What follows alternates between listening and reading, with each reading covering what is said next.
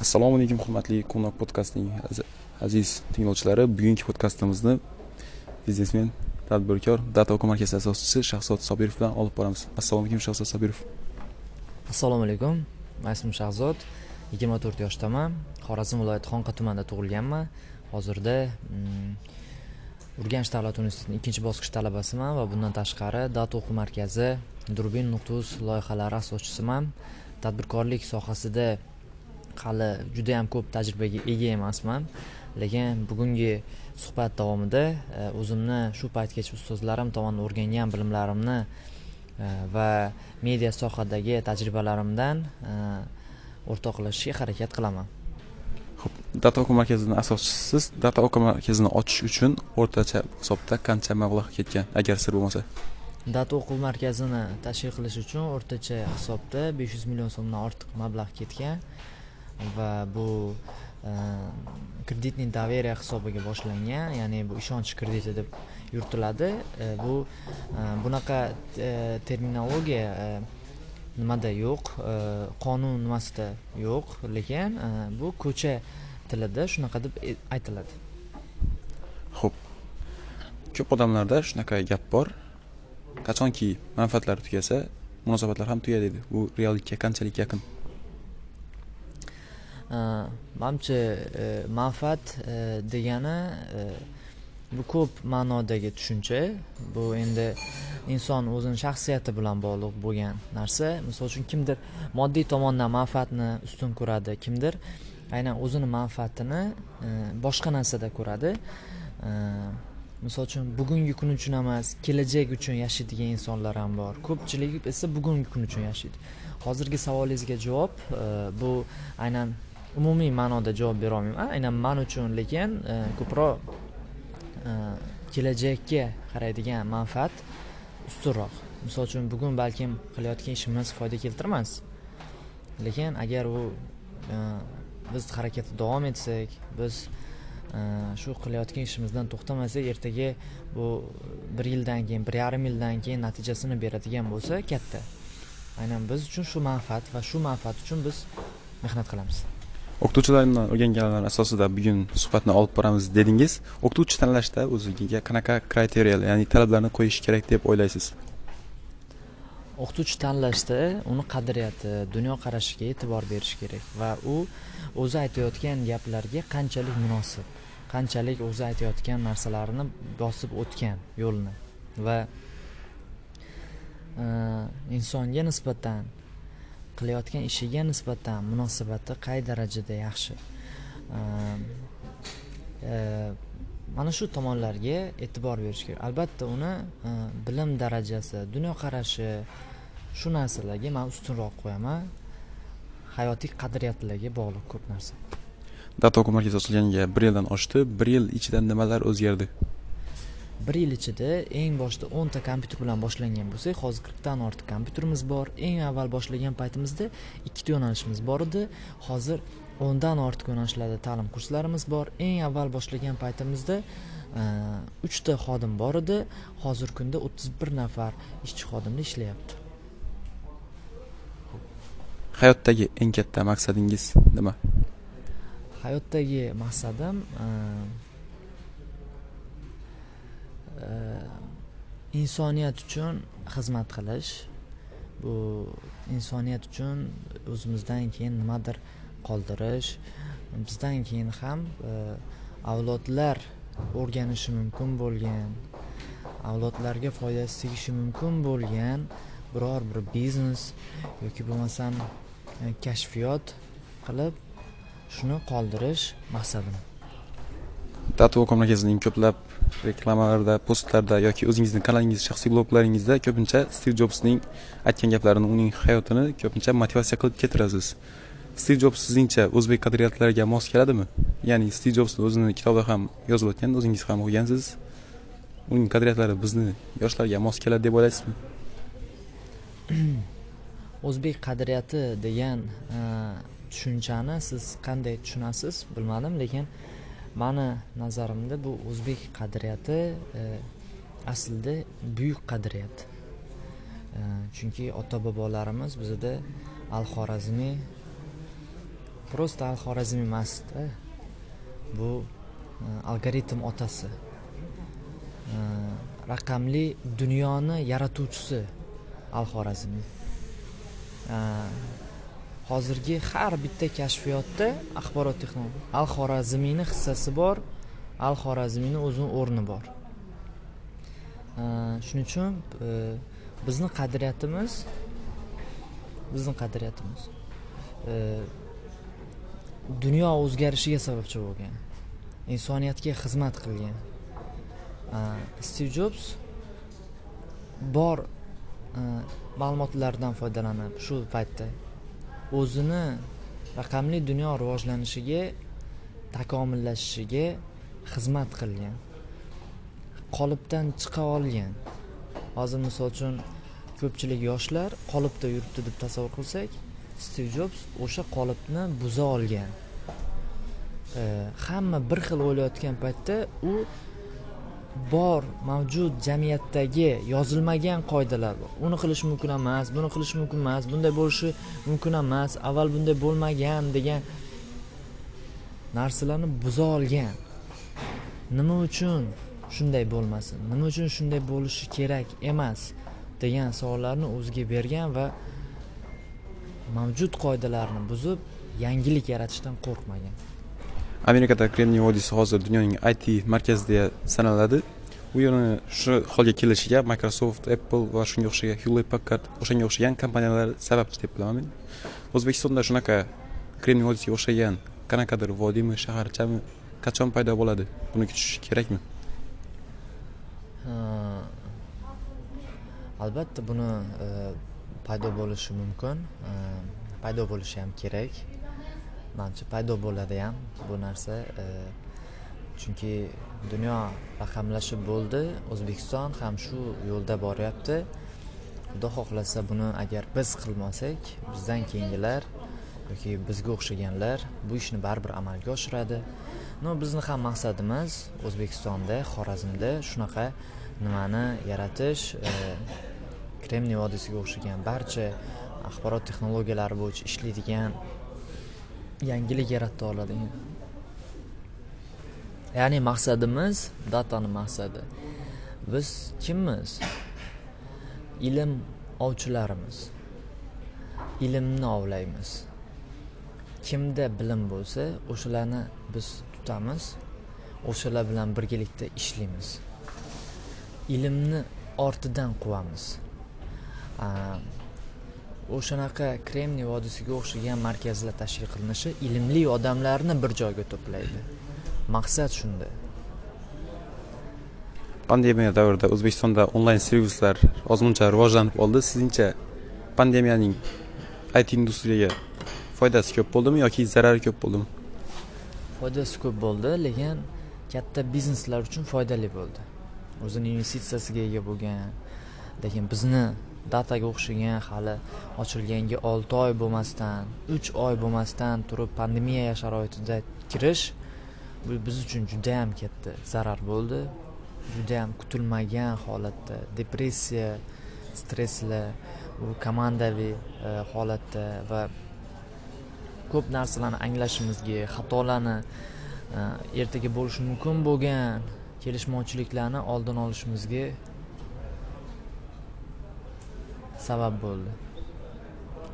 It sohasida ishlaydiganlarning ko'pisi kompyuter oldida kun bo'yi o'tirishga majbur. Sababi ularning ishi shu. Kompyuter ularni tabiatdan yiroqlashtirib qo'ymaydimi aslo yo'q. Chunki tabiat bilan kompyuter hammasi bir biriga bog'liq.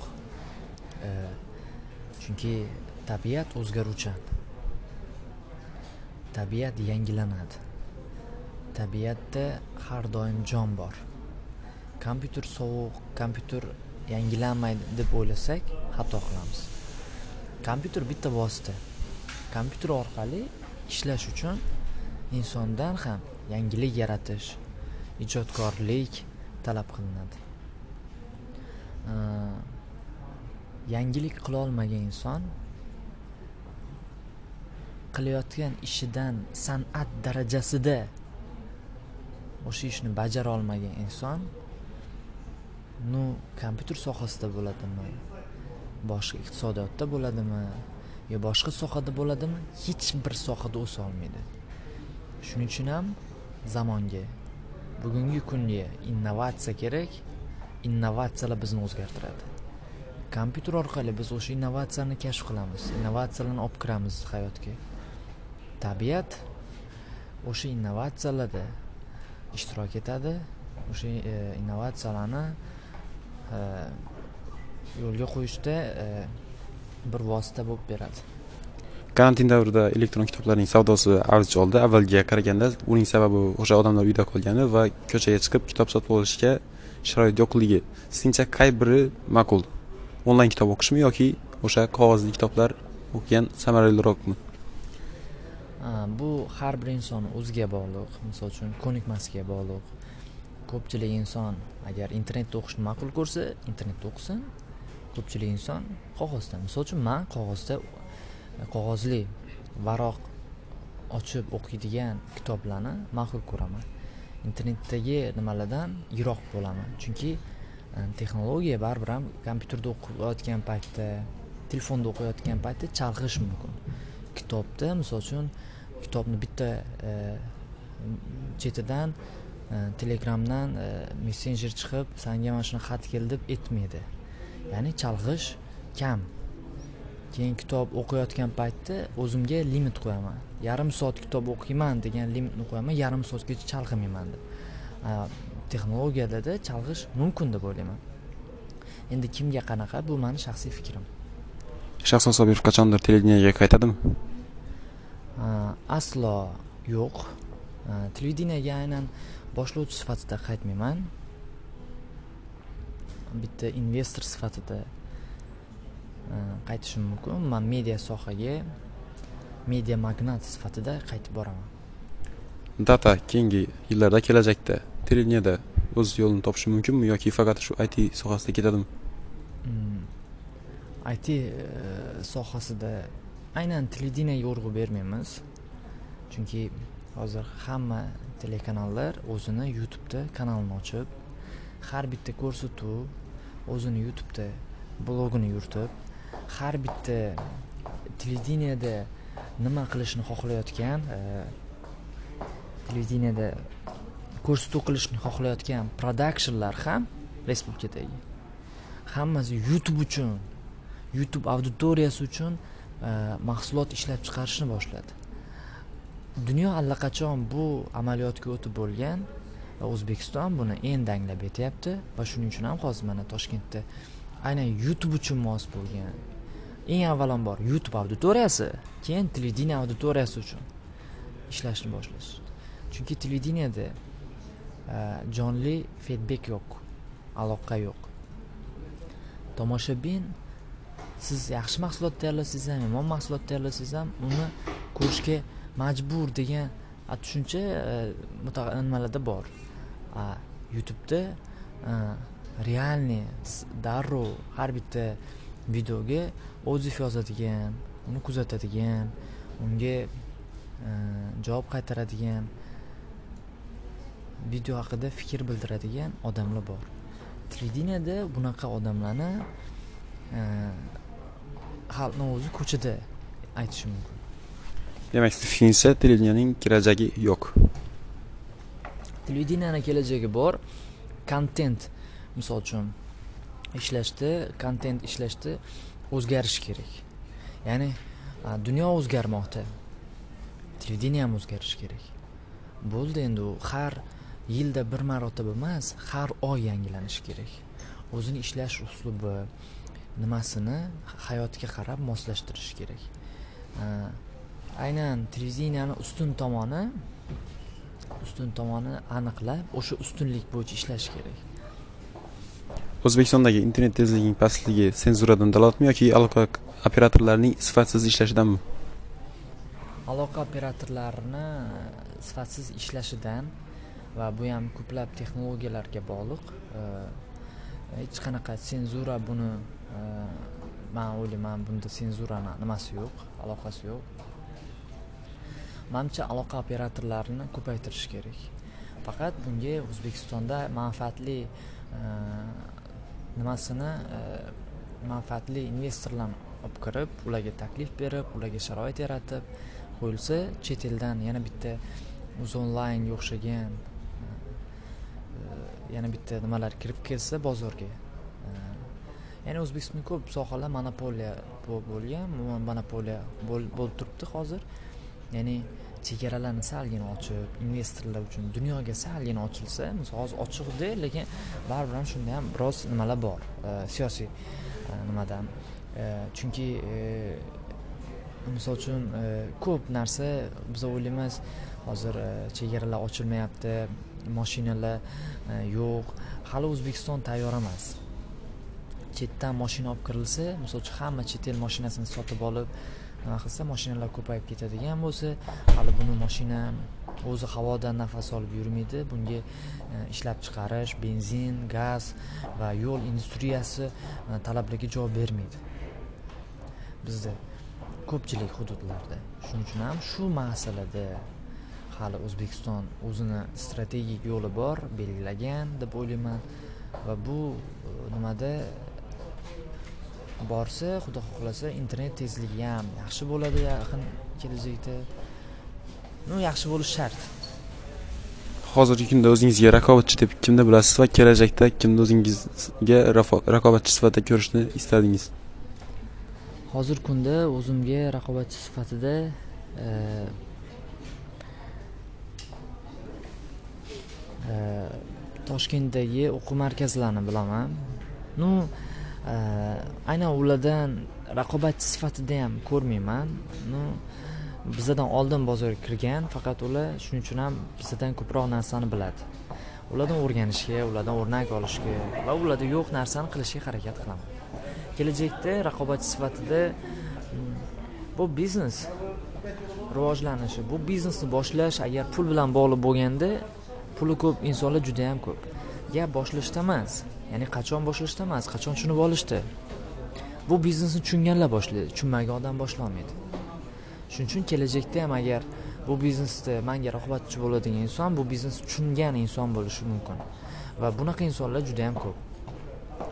Avvalgi intervyuda siz aytib o'tganingiz data o'ziga kerakli xodimlarni jamlab bo'lgandan so'ng o'quv markazi tugatiladi va biz id kompaniyaga aylanamiz degandingiz bu cho'zildimi yoki o'quv markazi davom etadimi? Xudo xohlasa yanvar oyidan boshlab biz o'zimizni datasoft e, grupp e, jamoamizni yig'amiz va realniy proyektlarga o'tishni boshlaymiz. Bu qanchalik qiyin bo'lmasin qanchalik murakkab protsess bo'lmasin biz shu ishni qilishga harakat qilamiz. Xudo xohlasa natijasi bo'ladi deb o'ylayman. E, baribir ham e, o'quv markazini to'xtatmaymiz. Bu protsess davom etadi. Lekin bitta masala e, mana hozir facebookni ham akademiyasi bor. E, Appleni ham akademiyasi bor. Ta'limni hech qachon biz yo'qotmaymiz. Chunki ta'lim bo'lmagan joyda o'sish bo'lmaydi o'rganish bo'lmagan joyda rivojlanish yangi takomillashish bo'lmaydi. Shuning uchun ham ta'lim muhitimiz balki metodikamiz ta'lim berish uslubimiz o'zgarar lekin ta'limimiz yo'qolmaydi. O'zbekistondagi frilanserlarning ko'pchiligi chet elga ishlashadi.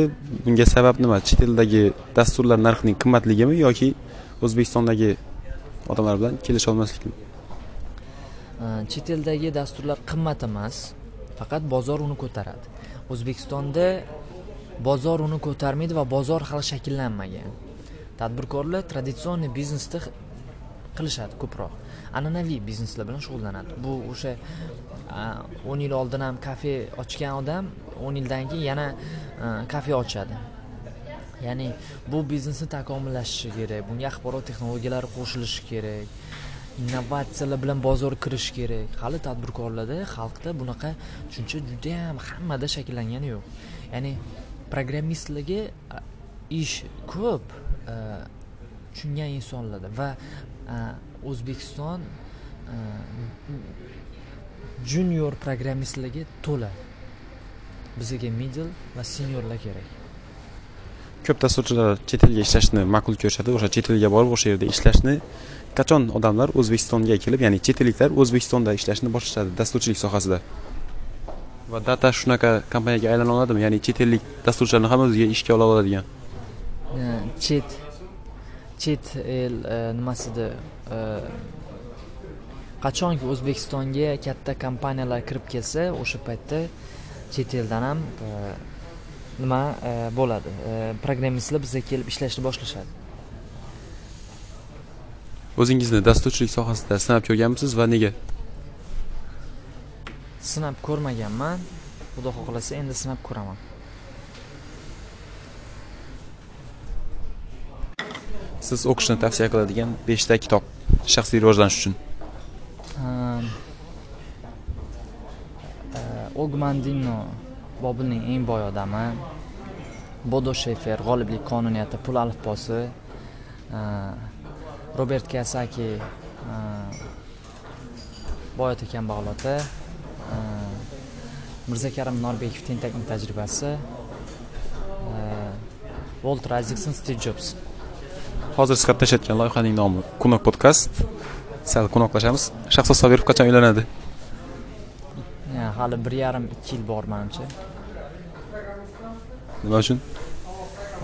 Finansiy безопасность holatiga chiqishim kerak shuning uchun. O'zi uylanish uchun qanaqadir bir yoshni qo'yib qo'yish kerakmi yoki o'sha iqtisodiy xavfsizlikka chiqqandan keyin uylanish kerakmi? Manimcha biznesni tushungan odam boshlaydi. Uylangan ham uylanish uchun ham tushunish kerak. O'zini tayyor deb bilish kerak. Faqat jismoniy tarafdan emas aqlan ruhan va finansiy tor- tarafdan tayyor bo'lish kerak. Hozir finans tomonidan tayyor bo'lishim mumkin lekin baribir ham xavflardan himoyalashim kerak. Nima ну kelajakni? Shuning uchun shunaqa. Kimga ishonib qoladi va kimga umuman ishonib bo'lmaydi sinalgan insonga ishonsa bo'ladi. Sinalmagan inson- insonga ishonib bo'lmaydi. Artel kompaniyasi o'zbekistonning it imijini ko'tarmoqdami yoki tushirmoqdami sizningcha?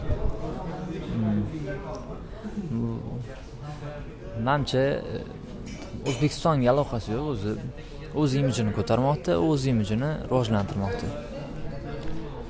Siz qaysi kompaniyani o'zingiz uchun eng mukammal kompaniya deb bilasiz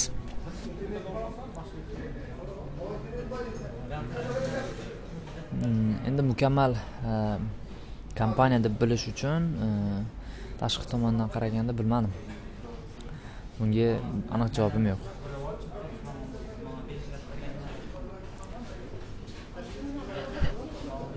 Ota onani rozi qilish uchun nima qilish kerak sizningcha? Ota onaga xizmat qilish kerak.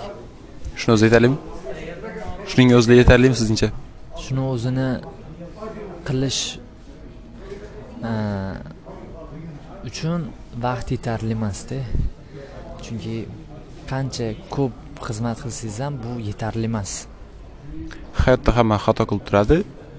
Yoshlarga qanaqa tavsiya berasiz? Ya'ni o'sha xatoni takrorlamaslikni siz qanaqa katta xato qilgansiz hayotda? Xatoyim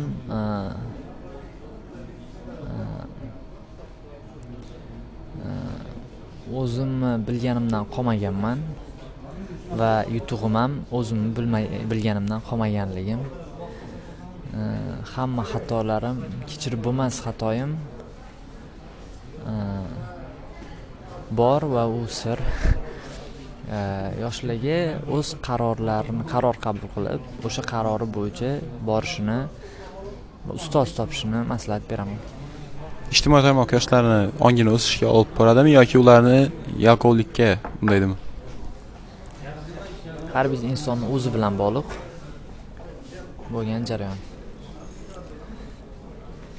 Insonda shunday maqsadlar bo'ladi. U maqsaddan hech qachon kechmaydi. Barcha maqsaddan kechishi mumkin lekin o'sha maqsaddan kechmaydi. Sizda bu qanday maqsad?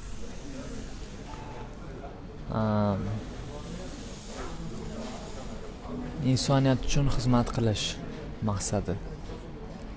Aynan qaysi yo'l bilan